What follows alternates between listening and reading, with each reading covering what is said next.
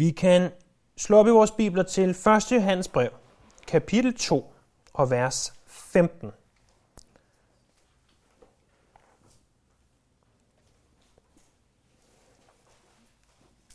Første Johannes brev, kapitel 2, vers 15, hvor der står sådan her. Elsk ikke verden, og heller ikke det, som er i verden. Hvis nogen elsker verden, er faderens kærlighed ikke i ham. For alt det, som er i verden, køds lyst, øjnenes lyst og pral med jordisk gods, det er ikke af faderen, men af verden. Og verden og dens begær går til grunde. Men den, der gør Guds vilje, bliver til evig tid. Det er sjældent, du hører mig citere en pave.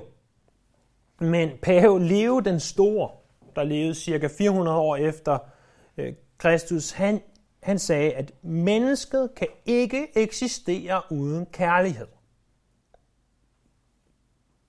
Og, og til det tror jeg, at, at vi alle sammen i en eller anden grad er, er enige, at mennesket kan ikke eksistere uden kærlighed. Men han kvalificerede de ord og sagde videre, enten elsker han Gud, eller også så elsker han verden. Leo den Store sagde altså, at vi kan ikke leve uden kærlighed. Enten så elsker vi Gud, eller også så elsker vi verden.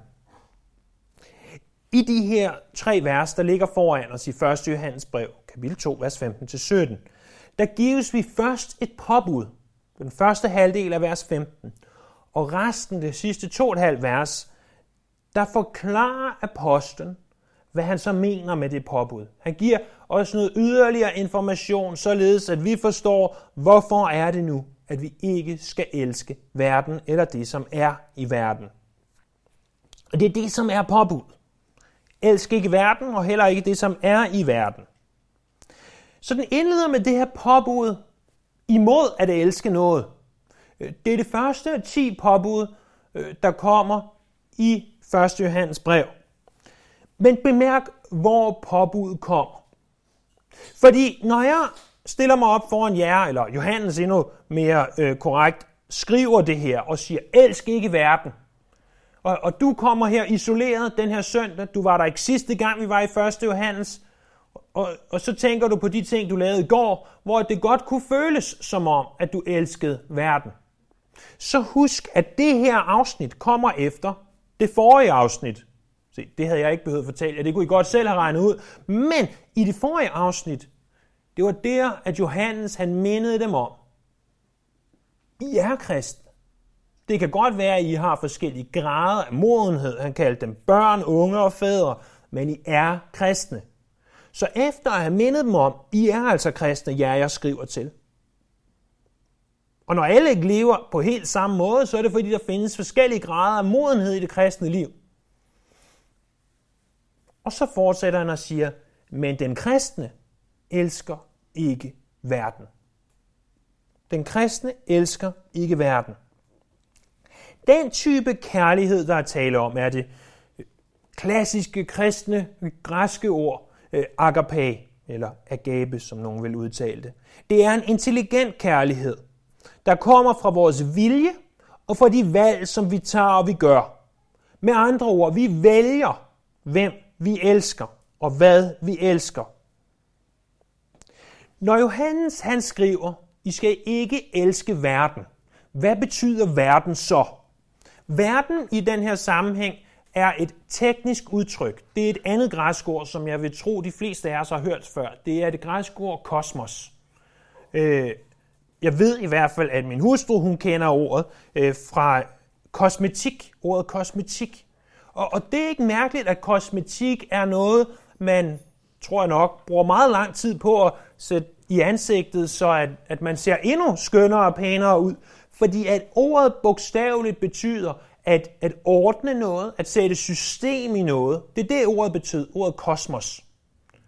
Øh, så det er i ordet kosmetik afledt, eller bare ordet kosmos, som bruges på mange forskellige måder i Bibelen.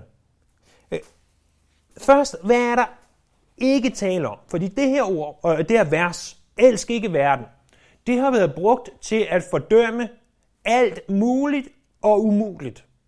Der var en bibelkommentator, der på engelsk skrev, at uh, it's been used to condemn everything from buttons to beers. Altså alt fra knapper til øl. Uh, det skal jeg ikke kunne sige, om verset kunne have været brugt til, men det er ikke det, der er tanken. Det er ikke tanken at fordømme alle mulige enkelte ting. Det er ikke det, ordet i den her sammenhæng betyder. Så hvad betyder det? Jo, det betyder ikke for det første den skabte verden. Ordet kosmos betyder i Bibelen den skabte verden, men ikke i den her sammenhæng. Gud siger ikke, I må ikke nyde naturen. I må ikke stå på en alpetop og kigge ud over bjergene og sige, sikke en fantastisk natur Gud har skabt. Eller sidde på stranden en sommeraften og se solen gå ned over havet og tænke, wow, en fantastisk Gud vi har, der har skabt alt det her. Eller duften af græs, eller bladenes rusken i vinden på en efterårsdag, eller sneen, der daler langsomt ned. Alt det har Gud givet os, for at vi skal nyde det. For at vi skal prise ham, der ved. Så det er ikke det, der er talt om. Der er noget andet, der heller ikke er talt om. Fordi kosmos kan også betyde menneskeheden som gruppe. Ikke i den her anden sammenhæng individet, men menneskeheden som, som helhed. Der er et vers i Bibelen, jeg tror, at de fleste af os har hørt før øh, i gang. For således elskede Gud kosmos, at han gav sin enborne søn. Gud han elsker kosmos. Menneskeheden som helhed. Og hvis Gud han elsker kosmos, menneskeheden som, en, som helhed, må han så kalde os til i det her vers at sige, at vi ikke må elske kosmos. Altså, vi ikke må elske menneskeheden. Øh, det vil være ganske utænkeligt. Der er altså for det første ikke tale om den skabte verden, som var, som den gamle oversættelse hvis nok sagde, såregod. Og han så, at det var godt.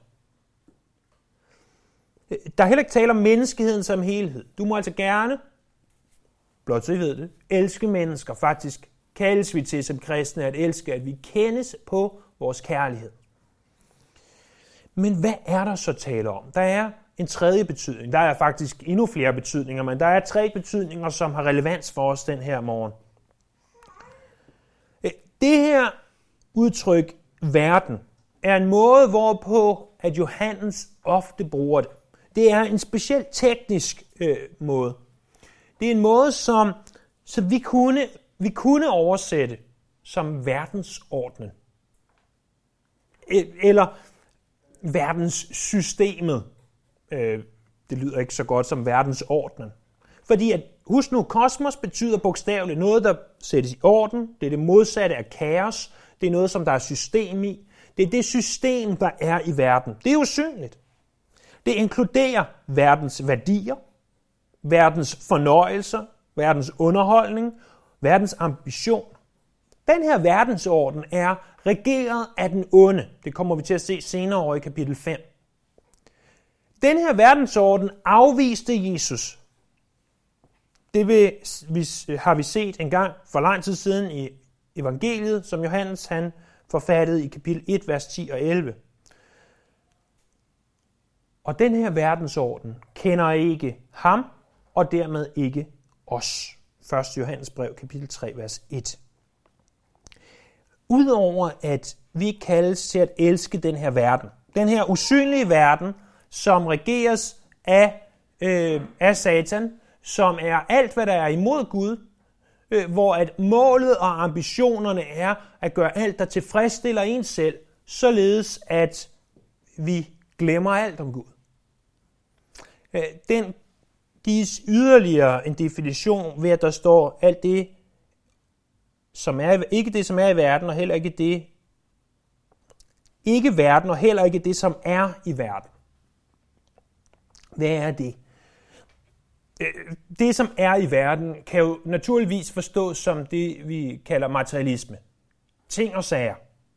Men endnu mere end det, så er det det værdisæt, der ligger bag materialisme. Fordi som en anden øh, bibelkommentator skrev, øh, så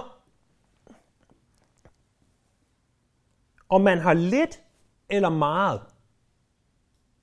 er ikke det, der afgør, hvorvidt du er materialistisk. En, der har meget, kan være mindre materialistisk end en, der har lidt. For en, der har lidt, kan hele tiden sidde og begære og få mere og mere. Og en, der har meget, kan øh, give alting væk til dem, der har behov for det. Øh, da jeg øh, var i, boede i USA og var på bibelskole, der i nogle ferie, der, eller i en ferie specifikt, der fik jeg muligheden for at, at bo en uge hos nogle mennesker, der var ekstremt velhavende, i, i vores danske øjne i hvert fald. De havde flere Mercedes og boede kæmpe hus på en bakketop med udsigt ud over, jeg ved ikke hvad, og havde swimmingpool og spa, og øh, så øh, nogle af de andre unge, der var der, jamen, de havde bil, de fik lige alle sammen lov at låne benzinkortet, og øh, sådan nogle ting. Og, og de her mennesker, de var virkelig, virkelig givende de, de tog en, en vild fremmed dansker ind og sagde, du kan sagtens bo hos os en uge, øh, og, og du kan sagtens være her, og, og det gør du bare, og mad og alting. Og, og hvor var det fantastisk at se, at, at mennesker, som var blevet givet meget, ikke bare holdt det for sig selv, men de gav det videre til andre. Øh,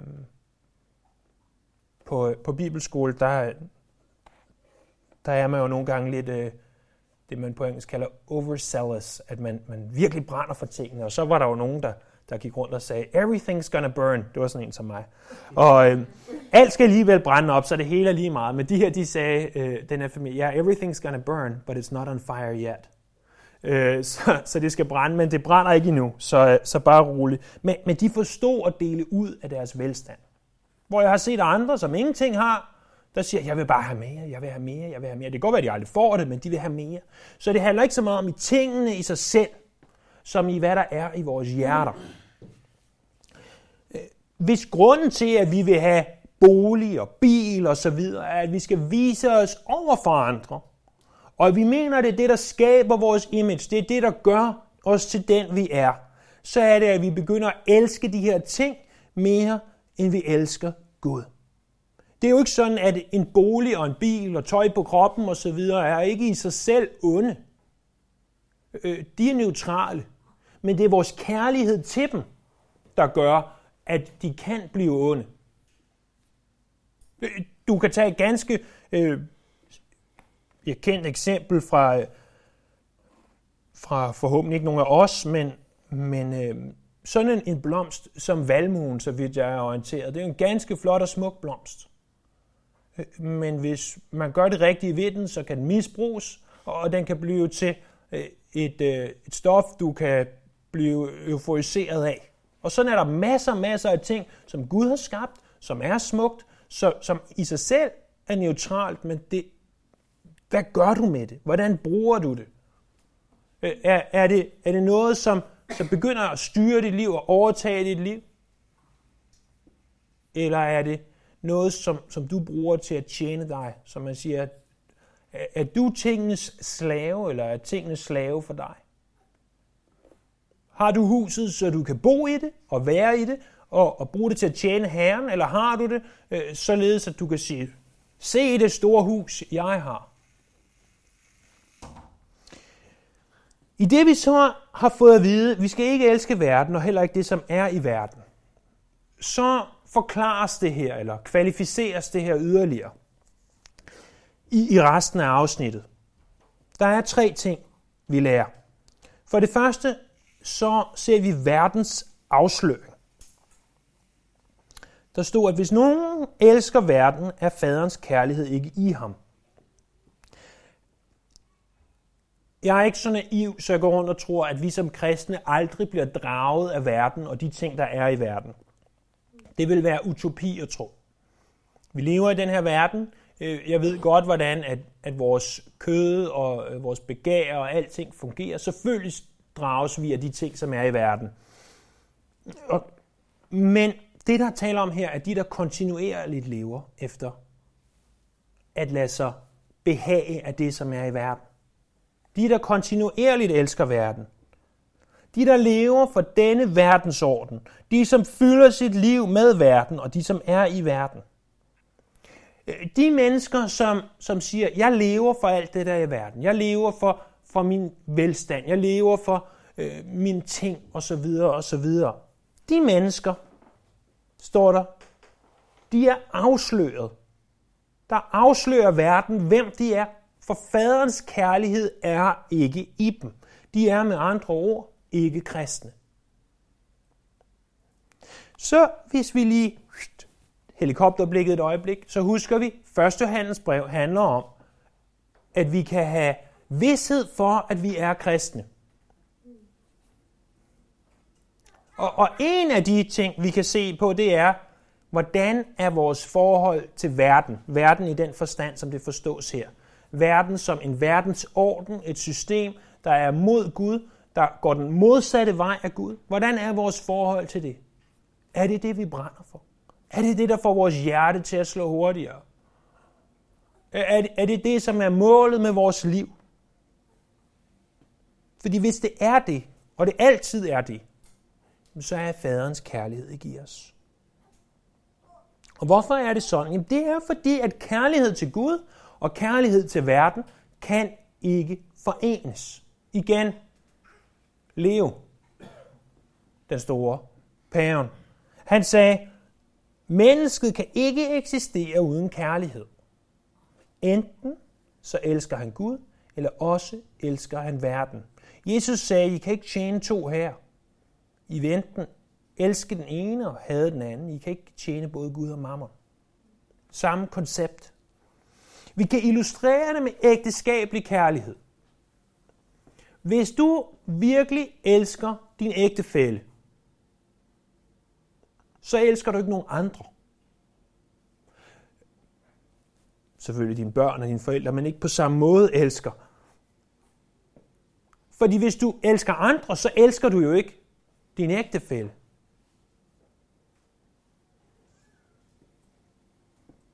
Hvis du virkelig elsker Gud, så elsker du ikke noget andet. Så elsker du ham. Ja, vi kan til tider i svage øjeblikke være draget af ting, men det er ham, vi elsker. Det er ham, vi lever for. Så den første forklaring, det er altså, at verden, kærlighed til verden, vil afsløre, at vi ikke er kristne. For det andet, så får vi lidt mere forklaring i, hvad er verdens tankegang. Vi ser det der i vers 16. For alt det, som er i verden, kødets lyst, øjnenes lyst og pral med jordisk gods, det er ikke af faderen, men det er af verden. Det kommer altså de her tre udsagn, der forklarer os, hvad verdens tankegang er. Det første, det er kødets lyst. Det her udtryk lyst, det er et ord, der betyder en stærk lyst til noget, uanset om det er godt eller skidt. Der er ikke, til trods for at vores danske oversættelse primært vil forstås sådan. Jeg tror ikke på, at der er tale om, at der er en lyst til det kødelige her. Det er ikke det, der er tale om. Der er den lyst, der kommer fra kødet. Den lyst, der opstår fra at være et kødeligt menneske. Og det er sådan, at rimelig mange græske ord øh, har den her forståelse, så, eller betydning, så at det kan forstås øh, både den ene vej og den anden vej Øh, for de, der måtte være grammatiknørder, så er det en objektiv genitiv eller en subjektiv genitiv. Så nu har jeg mistet øh, 99 procent af jer, når jeg sagde det. Men, men det er altså det, det er. At enten så er det noget, hvor man ser, kommer det fra kødet, og det er det, det her, det er det, der hedder en subjektiv genitiv, altså I ved, man ser det subjektivt set, eller er det fordi, at objektet, det man higer efter, det er kødet.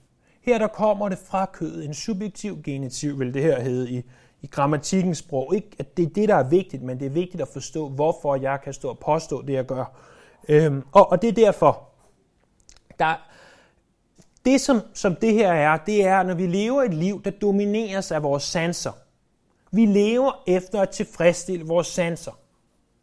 Vi lever efter at stoppe mere i munden. Vi lever efter at have sex med hvem som helst og hvad som helst. Vi lever efter at beruse os og tilfredsstille os, og det er det, vi lever for. Det er kødets lyst. Det er den lyst, der kommer fra vores kød. Der er en anden lyst. Det er øjnenes lyst. Øh, det er det, som vi ser med vores øjne og tænker, my precious. At, at, at vi begærer det. Vi begærer det. Vi vil have det. Og, og vi vil have det nu. Det er der, hvor vi siger, jeg bliver nødt til, øh, venner, har I set, naboen har fået en ny bil. Jeg bliver nødt til at have den samme bil som dem. Øh, venner, naboen har fået et nyt hus. Jeg ved ikke lige, medmindre de rev det ned, hvordan det vil fungere. Øh, ny, nyt tøj, nyt job, ny uddannelse. Jeg bliver nødt til at kunne det samme som dem. Jeg vil ikke ligge under for nogen. Det er der, hvor vi ser noget og siger, jeg må have det. Det er ikke tingene i sig selv, der er onde. Det er okay at få nye ting. Men hvis det er det, vi lever for, hvis det er det, vi tror, der gør os lykkelige, hvis, hvis vi tror, at et nyt hus gør os lykkelige, hvis vi tror, at en ny bil gør os lykkelige, hvis vi tror, at nyt tøj på kroppen, medmindre vi ikke har noget i forvejen, gør os lykkelige, så, så er det ikke de ting, der gør os lykkelige. Ting gør os ikke lykkelige. Ting er der til at tjene os, således vi kan tjene Gud. Den sidste ting, der står beskrevet for at forklare, hvad er det her verden ting for noget? Jamen det er også pral med jordisk gods. Igen, subjektiv, genitiv. Øh, pral, der kommer fra at have jordisk gods. Så her, der er det ikke bare, at vi siger, åh, oh, oh, nu har, nu har naboen fået en, en Skoda, det er sådan en, jeg selv har. Så, så, så nu bliver jeg nødt til at gå ud og få en bil, der er bedre end hans. Du skal have en Mercedes. Jeg siger ikke, hvem der har sådan nogen. Øh, så det er, at jeg må have noget, der er mere, således at jeg er mere end de andre. Således jeg har noget at prale med. Således jeg har noget at hævde mig med. Således jeg kan sige, se det her, jeg har. Og, og jeg har den her fantastiske Skoda, så jeg behøver ikke længere stole på Gud, fordi den starter hver gang. Jeg, jeg behøver ikke længere at stole på Gud, fordi sådan og sådan. Det er det, som pral med jordisk gods blandt andet er. At vi siger, se alt det, jeg har. Kom og se, hvor fantastisk jeg er på grund af alt det, jeg har.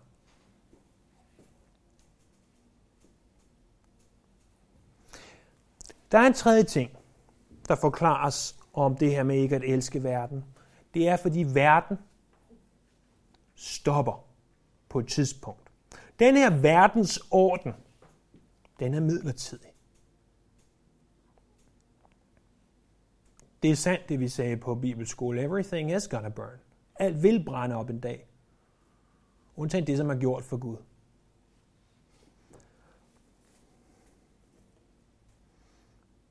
Og verdensordnen, regeret af Satan, hvor, at, hvor at vi begærer ting, hvor, at, hvor at vi tror, at vi bliver lykkelige af de her ting. Alt det vil forgå. Alt det vil forsvinde som støv.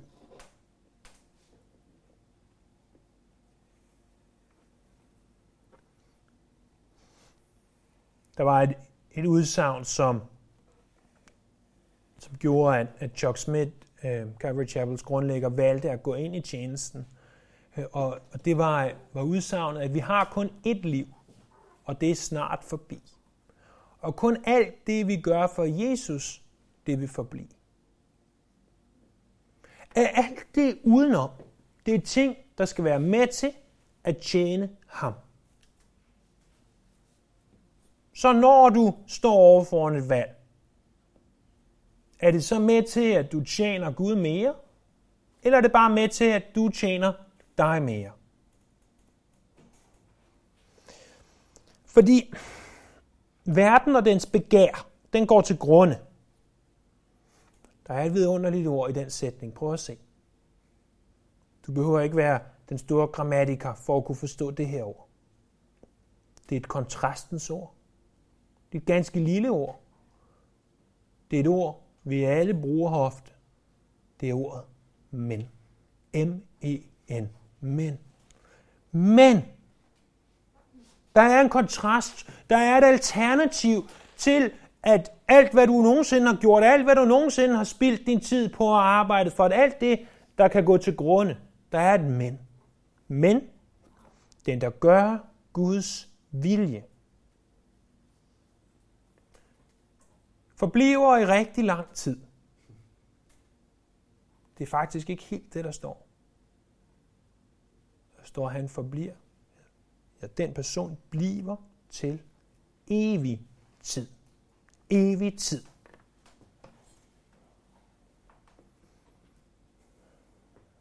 Hvad er Guds vilje? Jamen Guds vilje i den her kontekst er, elsk ikke verden. Den kristne elsker ikke verden. Og den kristne gør Gud, derved Guds vilje, og den kristne bliver derved til evig tid. Den kristne har evigt liv.